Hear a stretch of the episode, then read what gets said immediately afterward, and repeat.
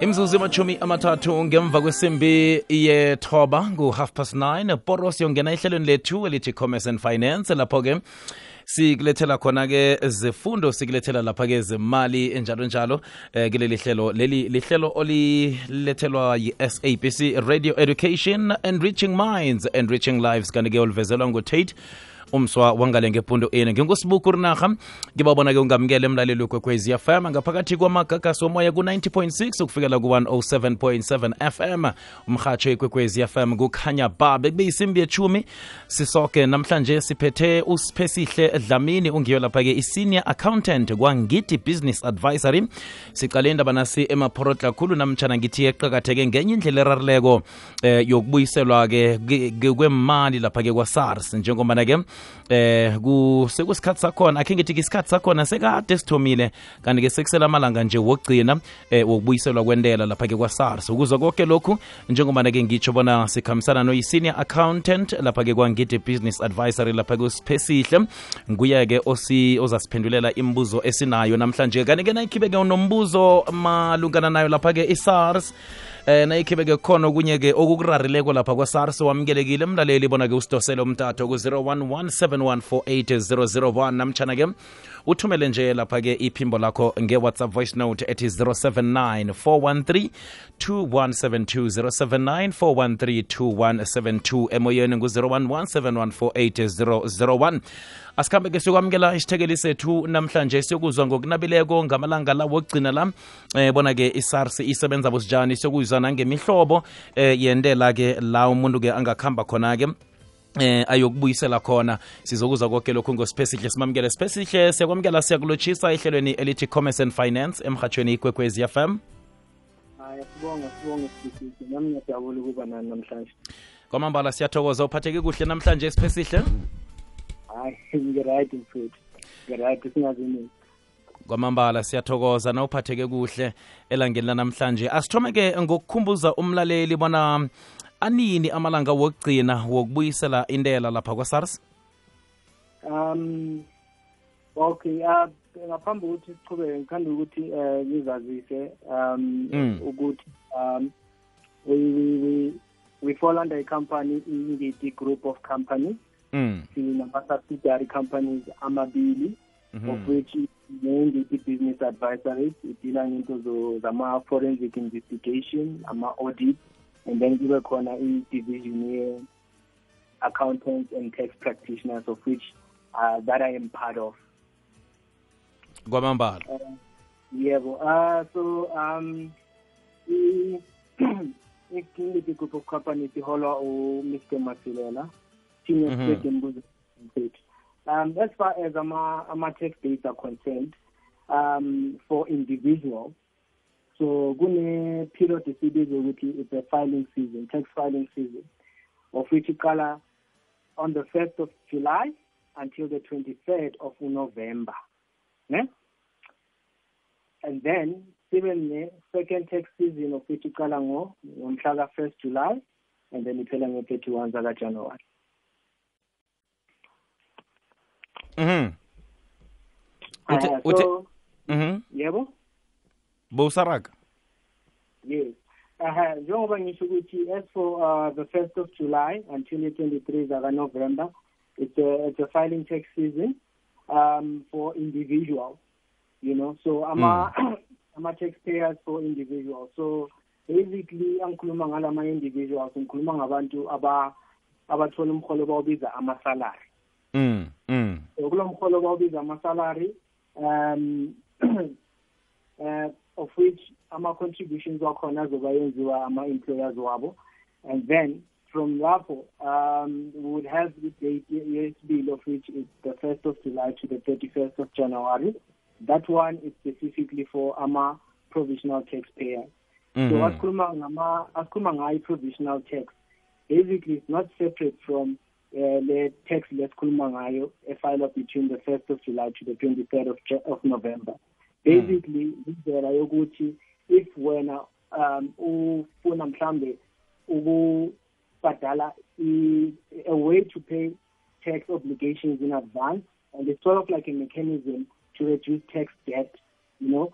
Mm. so and then phezu kwalokho futhi isifaka um nabanye abantu abangatholi uh, amasalary bathola imali ngendlela abayibiza bathi um the non salary income mm. you know the likes of mhlawumbe kunendlu uthola ama-piece job um mhlawumbe kwenzeke futhi um kune-rental income engenayo intinyana ezinjalo Mm. izwakele eh spesihle kwenzakalani ke ngomtheli wentela ongakhange abuyisele intela yakhe kwa-SARS um ngiyabonga ngalo mbuzo loyo. And um i feel like we, we um, as South Africans kune-stigma sokuthi abantu bangathathi ukubhadala intela serious Mm. and uh, not knowing that ukungabhadali intela it's, it's, it's, it's a criminal offense. Kufana noma uphula umthetho kahle kahle. Mm. because imali yentela iphuma nje inceda isikhwama saka-government malana nebudget ukuthi kube ne-public service. Delivery yokukhanda iy'kolo imigwaqo nama-street lights intonyana ezikanjalo so ngokungabhadali intela you are likely to face izinto ezifana nama-penalty ama-penalties you are Mm. likely to to uh, to be liable for in- ama-interest so those two two items they fall under ama-fine Mm. and then from there you are also liable ukuthi ungaze u- ugwetshwe you can be liable for um, being charged for a criminal offense you know? Mm. to an extent yokuthi isigwebo sakhona singaze sifike kwiminyaka eyi-five. Mm. iminyaka emihlanu yonke angizwa? Iminyaka emihlanu yonke ubhadla. Enja- enja- enjalo mhathi nedi ngokungakhiphi i-tax ngokungayibhadeli? Enjalo. Enjalo mhathi Eh sisayiphethe njalo ke eh isiphesihle. Uyazi na nawuyo nawubuyisela lapha ke kwaSARS ubuyisela indo zakho njalo njalo. Eh ngomnengi abantu kulindelwa ukuthi mhlawumbe iSARS izakupha intwanyana ethileko. Eh uthola ukuthi ke mhlambe eh kuthiwa wena uyayikoloda akhe si- sihlathulele umlaleli bona kumuntu ekuthiwa lo nguye okoloda iSARS vana ikweleda nakwenze njani naku- eh, nakunjani? Okay okay.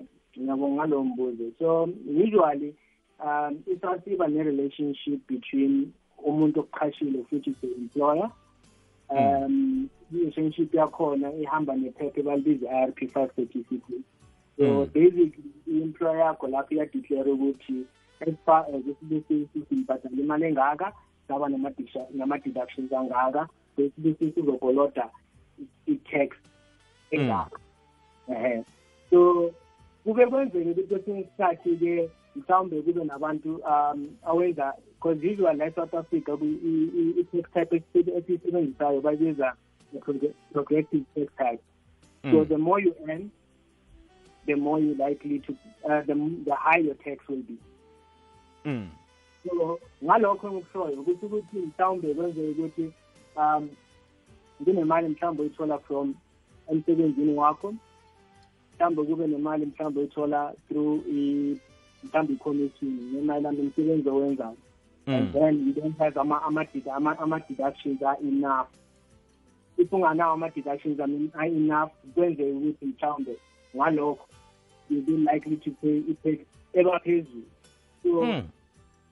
um njengoba ngibeka kanjalo mkhathi um uh ngokunikeza i-practical example kunokwenzeka ukuthi mhlawumbe wena eh kunezinye izinto mhlawumbe ozenzela wena eceleni kwakho mhlawumbe kunama kunemali mhlawumbe ekhiphayo ama-pension contributions nama-medical aid. Mm. mara that information is not known between i-SARS employer yakho. So ngalokho uthole ukuthi i-information leyo once once i-information leyo iyaziswa ku-SARS ama-deductions wakho ayanyuka and ama-deductions wakho ayanyuka kuba nokuthi kwenzeka ukuthi kule mali bosuyithekishe kuyo. Angazi noma uyangizwa Ngi- mkhathi ngikuzwa kuhle khulu ungaragela phambili. Mhm. okay. Njengoba bengishilo ukuthi um le information eyaziwa between i-employer yakho eh no no no no SARS. Mm. kwenzeka ukuthi kune-information une-employer yakho enga- enga- engabi nayo malana nama-deduction. So ngalokho uthola ukuthi manje usasa uthola ukuthi sebaku-overchargile when it comes to i-tax so ngokuletha le information entsha le whether ama-medical aid ama-pension contributions bangaziwa between i-employer yakho nesars kuba khona ukuthi ha-a ngathi lo sesimthathele kakhulu at least kumele simbuyisele um okuthizeni mayelana ngayibiza mhlawumbe yona i-tube naw futhi i-tax refundable ibuya ngayo yona le ndlela leyo isangabe nama-deductions ayinawo um izwakele uh, siragele phambili samukele nje nomlaleli wekwekwezi fm onombuzo ku-079 413 2172 nalapha-ke ku-011 7148001 wamukelekile mlaleli eh bona-ke ungasidosela umtato ngalesi sikhathi lesi. Siphesihle ke siqaleke eh, emntwini mhlambe-ke oyo osayokuthumela eh, kokuthoma namtshana-ke osayokufaka kokuthoma lapho eh ngimaphi? Amahlelo achugulukile bekube ngilesi sikhathi namtshana ke kusafana nekadeni ukuthi ka usuyaya lapha kwa-SARS lapha eh bese bakwenzela into zakho ngokwekhabo lakhona namtshana sekunenye indlela etsha esetshenziswako ngalesi sikhathi ongabelana nathi ngayo? Okay. Eh njengoba wazi ukuthi sinale ngcindezi esinayo mayelana ne-covid usually usasi manje ya-discourage ukuthi abantu bayenze ama-walking mm. mayelana sort of like isitep salo saselesifo so usasa esikhathini esiningi u-encourage abantu ukuthi besebenzise um i-filing of it. They can do ama they can apply for ukuregister ka-sars through the internet of which it is advisable njengoba ngikhuluma nawe manje ukuthi usually it is advisable ukuthi basebenzisane mhlawumbe nawo ama-tax practitioner um but njengoba ngisho mfethu ukuthi eh uSARS uh, because of isimo sikuso we-encourage abantu ukuthi they should go to um SARS e-filing. Uh, they, can just type SARS e-filing bazokhona ukuyibona the information there then they can be able to register i-account yabo from lapho. And they can be able to get wonke ama-services waka-SARS without even uh, setting a foot in the branch. Mm. Okutsho ukuthi yonke into ungakhona ukuthi uyenze online ngalesi sikhathi ngaphandle kokuthi uyokuvela ema-ofisini akhona. Umuntu ovela ema-ofisini akhona mhlambe eh umuntu onjani ekuthiwa-ke kufanele ukuthi ayokuvela lapho namtshana vele ayisekho indaba yokuthi umuntu angatshinga ema-ofisini akwa-sars? Okay. Kona kuyenzeka ukuthi mhlawumbe indawo ohlala kuyo kungabi ne-access ye-internet zona izinto ezifana nalezo. So the only way yokuthi uye ukhona ukuthola usizo ka-sars is through doing an appointment. And uh, the appointment leyo futhi kumele yenze kuphi uyenze online. So we encourage abantu ukuthi uh, ngayonke indlela bazame ukuthi uh, ba-apply for usars online. Mm. Mm. Uh, ihlelo leli auto assessment eh kulihlelo eliyokusebenza qobe vele tax season namkhanjani namtshana nje sekubangwa ukuthi eh kune COVID-19 njalo njalo. Eh leli auto ukuthi into zakho bazicala bese ke bakuthumelele ukuthi uyakweleta namtshana njani msinyazana? Okay. So um kona kunokwenzeka eh mayelana nokuthi auto assess then usathi mhlawumbe angatholi information yakho kahle njengoba bengishilo ukuthi it is advisable ukuthi usebenze mhlawumbe naye tax consultant or practitioner because usarsi unokuthi um mhlawumbe ukuthi not notifying usars about ama-changes of ama-particulars wakho kuba kuba nenkinga just from there wena ungakwazi ngokuthi wena usars kumele umazise mhlawumbe ngama-particulars wakho abone ukuthi indeed usibusise you know in terms of mhlawumbe esisikhathi ngokuthi usubmite i-information e-incorrect or mhlawumbe usupply information engekho required or mhlawumbe unikeza ne-answer engekho right of which it falls not knowing uyayibona le ngikuzwa kuhle khulu sipesihle uyibekile-ke lapho.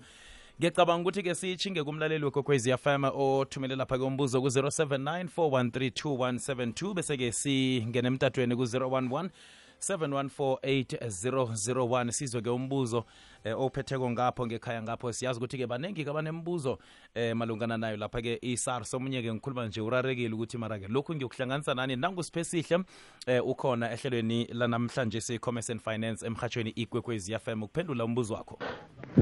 Sawubona sibusiso eh kornaga cela ungibuzele kusithekeli sakho ukuthi asithi azange wake waclaima maybe for iminyaka ewu-three and kushoda iphepha li- lokucala lakho i-RIP 5 form yakho yokucala awunayo lawa ayi-two alandelayo nawo wenza njani ukuthi utholele yokucala okay um if ngikuzwa kahle uthi for the last three years mm. so kulama RP5 onawo lawa which one is it missing is it from the oldest year or the latest year Mm.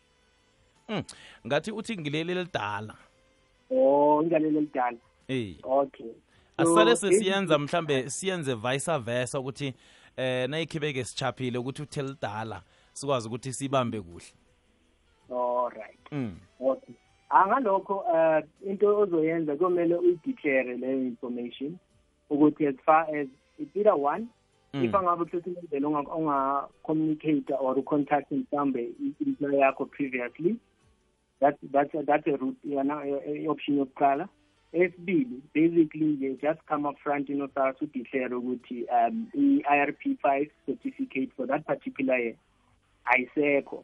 Because usars kakhulu esikhathini esiningi njengoba sebenza ngama-documents you need to ensure ngaso sonke isikhathi ukuthi izinto zakho ziba complete.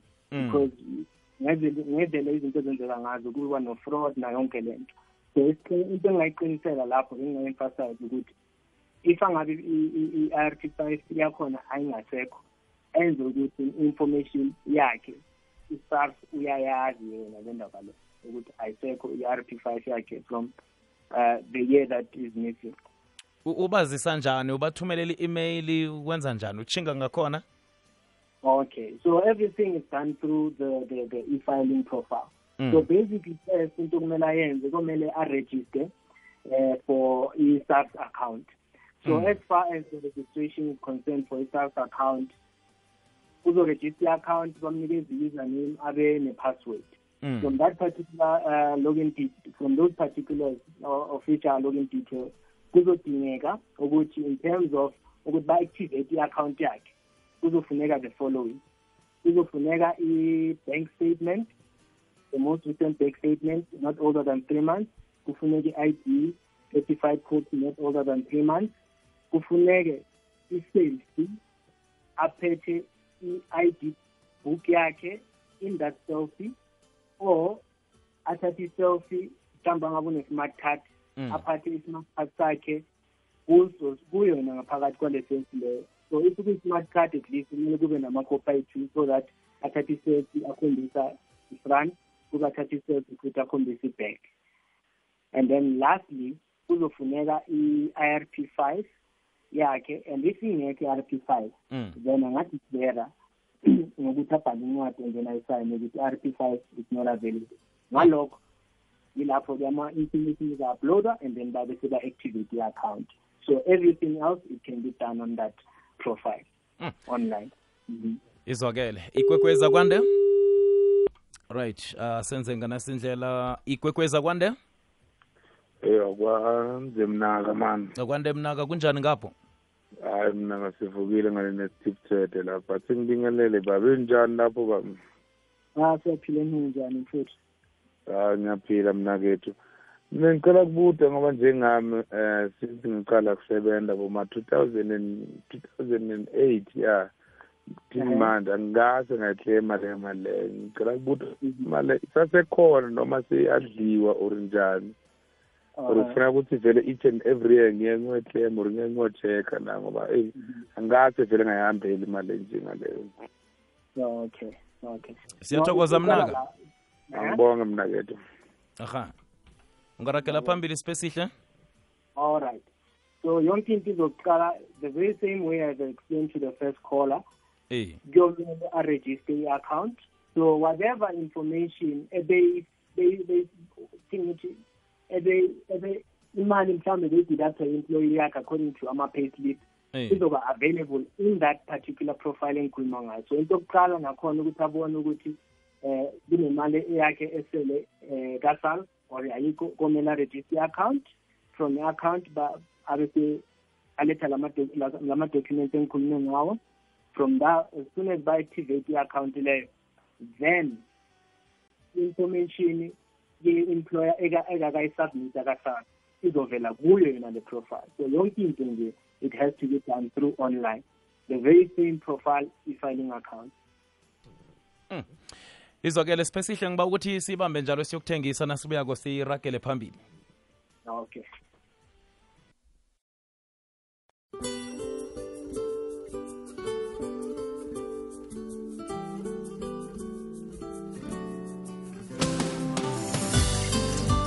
right asirakele phambili ehlelweni elithi commerce and finance emhatshweni ikwekwezi fm na usanda ukungena ngapho ngikhaya siyakwamukela siyakulotshisa siphethe indaba zokubuyisela-ke. Sekusela amalanga amancane eh ukuthi-ke kuvalwe-ke ukubuyiselwa kwemali lapha-ke kwa-sars. Siyakwamukela bona usidosele umtato nayikhibeke unombuzo eh uhlezi nathi ngalesi sikhathi ku-011 7148001 sikhamba nosiphesihle eh nguya-ke osiphendulela imibuzo yomlaleli sithekeli sethu sanamhlanje. 011 7148001 ikwekweza kwande?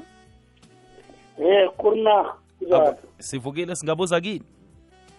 Ya ukhuluma noSolomon Mahlangu ufini la kwahana.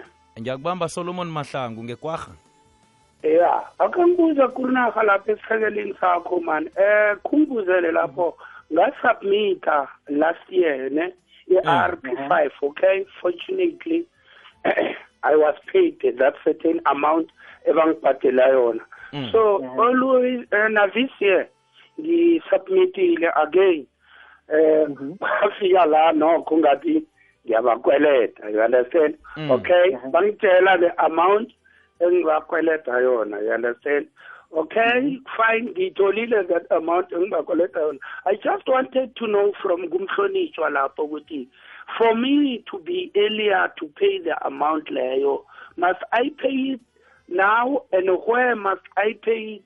And uh, if i delay izoba nama-penalties of njani? Because it is no it is not so much uh, money or to such an extent ukuthi ngingabhalelwa maybe just kuyi-pay as quick as i can. But to avoid ama-areas i just want to pay it quicker. Mm. so ngeke ngibele nama-areas of njani ungase ungifayindele kumhlonitshwa lapho. And ukuyibhadela kwambhadela ebhenki oh ngizoyibhadela njani kuphi so? Sithokozile. Uza kulalela emhatshweni ngingazi ukuthi angaba na something afuna uyibuza na ngibele Spesihle? phasi for sipesihle yebo oh ngiyabonga ngalo mbuzo solomon o uzwile umbuzo Um, kasolomon yebo ngifuna ukuphendula wona um okay isimo sinjalo njengoba sengishilo ukuthi u- ukubhadala usars Mm. it's um it- it- it's it's a legal requirement ukuthi ngingabeka SARS. mhathi ngilalele ungabeka phasi solomon sithokozelwe uyibambe emhatshweni okay thanks aha-ke siyathokoza. Sipesihle ungaragela phambili. Alright njengoba bengichaza ukuthi um ukuthi umuntu abhadale u- u- u- usars it's a legal requirement as long as asebenza mm. of which it is a compulsory contribution levied by the state of which government Mm. so ngalokho akushoyo ukuthi if angabhadali usas njengoba ngise ngayikhuluma ukuthi eh it- it- it's illegal Mm. so eh into ezoyenzeka from uh, Solomon side njengoba anga- anga- anga- angakhona ukukhokha will be liable for ama interest and uh, only to awungazi nokuthi ama one uzoba liable for ama penalties and ama penalties lawo anama interest. And ama interest wakhona akhuphuka each and every month as long as kuba nenyanga esikhipha angabhadali alibela akhuphuka okutsho ukuthi nabangathi usikoloda 5 cent eh, qobe nyanga nayikhamba kona ikhibe iphakama ngenye i-5 cent kuza kuba yi-10 cent ikhambe njalo njalo? Ehe injalo nje inhla- injalo mkhathi khe wabuza nendaba ukuthi nakafuna ukubhadela-ke ku- kubhadelwa phi nakhona ibhadelwa njani imali le evela kokuthi uyayikole- uyayikweleta Okay. So usually um ngendlela okwenziwa ngayo kuba ne ne-reference esetshenziswayo mayelana nale mali ayibhadalelayo because ukhumbule usase izinto eziningi azenzayo. So kuba no ku- yes kuba ne-account ayisebenzisayo but kumele athole the specific relevant reference yokuthi uyibhadalela for imali so if uh mhlawumbe enye into mhlawumbe enye into engakhona ukuthi ngimncede ngayo from e- esayidini of which because of njengoba ngisho ukuthi Mm. i-SARS inama-services amaningi. So from this side i would want to know ukuthi okay njengoba kuthiwa uya- uyakolota ukolotela for ini specifically. Uyayibona le nto leyo Mm, and mm. once i know then i would be able to um nikeze i-reference ecorrect. But yona ungayibhadala na, na through ibank so ibhanka mhlambe nakuvelako nawufumana i-reference kuthiwa ke angithi mhlawumbe umuntu kuyathiwa no uya- uyakweleta ukweleta i-50 rand bese kuchiwa i-reference yokuthi eh uyibhadele kuphi. Uchinga kinanyana ngiyiphi ibhanka uyokubhadela lapho iza kufika? Namtshana le oyisebenzisako? Um ngicela ukuphinde umbuza ngizwanga na uyibhadelako imali le uyokusebenzisa i-akhawunti le mhlambe etlolisiweko lapho kwa-sars ebhanka eh uyoyibhadela kiyo na usele uthole i-reference leyo. Namtshana ungayibhadela nanyana kuphi no no no. It should be uh i-bank ozoyithola from ka-sars website. Mm. izwakele ikwekweza kwande yebo ninjani futhi? Sivukile singabuza kini? Hayi siyaphila mani we khe ngibe mfitshane ngudavid thulani mahlangu la ihembo straight ne? Izwakele david? Eh eh ngi- ifayilile i think ngeyi-24 ngeyi-24 za-last month bathi badinga ama-supporting document Mm. ngawamikisa so namhlanje ngangena kufuthi ku-e-filing yami ngathola i-income tax la i- i- ithi i t a thirty four so ibhaliwe imali engikolodwa yona. So bengibuza ukuthi njengoba manje sengisubmithile ngithole le phepha leli ukuya phambili ngenza njani? Angazi Okay. ngizakulalela emhashweni iye ungayibamba emhatshweni sithokozile. Okay. special? Alright yebo um uma seyinjalo njengoba asho ukuthi okay iphepha lela liphethe libhaliwe ukuthi okay hayi usars ukoloda yena. So from what's going to happen from now ukuthi yena angangena ku-profile yakhe a-check ukuthi ama-bank account details are right because ukuthi ba-process imali leyo kuthatha between two to three days Mm. ukuthi bayi-process into his bank account le azoba arejiste ngayo ku- ku-profile yakhe Mm. Mm. and then if it happens ukuthi kuba nama-changes between njengoba siyithole today na in three days time bazo-communicate with it but as far as it stands now the only thing yena kumele ayenze amele ayenze sure ukuthi ama-bank details wakhe are correct and then the amount will be processed in two to three days.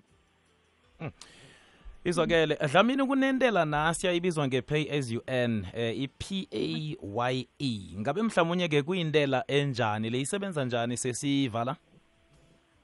Um, basically, basically i- i- i-pay as you earn um njengoba ngishilo ukuthi ikhuluma ukuthi eh what eh, whatever bakukhokhela kona uzotaxwa kuko in simple terms Mm. wabona if angabe ukhokhelwa more if you earn more you're going to pay more. You know? So basically ukuthi awu-earner now you're liable to pay i- i- i- ilokhu i-tax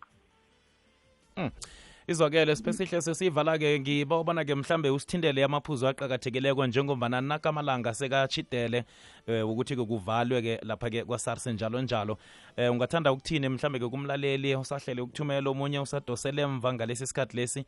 Um ngemva kwalapho-ke siba ubona-ke usitshiyele imininingwane ukuthi eh bayifumanaphi ilwazi namtshana balifumanaphi ilwazi ngokunabileko? Nayikhibe inomboro zakho uchapulukile ngazo nazo sibawubona kusitshele zona. Okay. Um, as far as ama, ama tax dates for individuals, ngizaphinda uh, the 1st of July until the 23rd of November. And then given a period between the 1st of July to the to the 1st of January. mm. Angazi noma sezwa okay. If I'm angabe sezwana, to the 1st of July uh, to the 20, 23rd of November, ne? that's the first one. Ne? mm. Then the second period mm. is the 1st of July, Mhm. right, until the 31st of January. Mm. Those are the two uh, filing tax seasons. Kuqala ya 1st July to 23rd November yama normal tax player and then for it kamhla July until 1st of um, 31st of January Mm. for, for provisional taxpayer. Ne? So the provisional taxpayer something else and I add ukuthi it, uh, it is applicable to both ama individuals nama companies as well.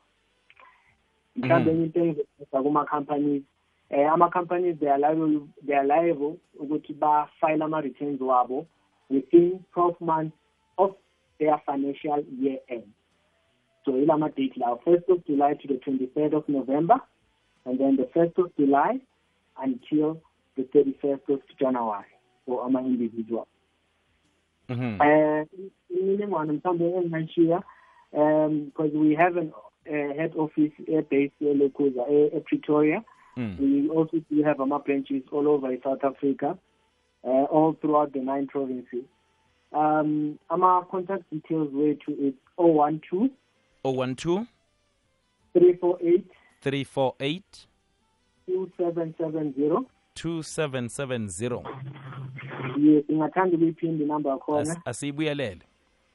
012 012 348 348 2770 2770 Yes.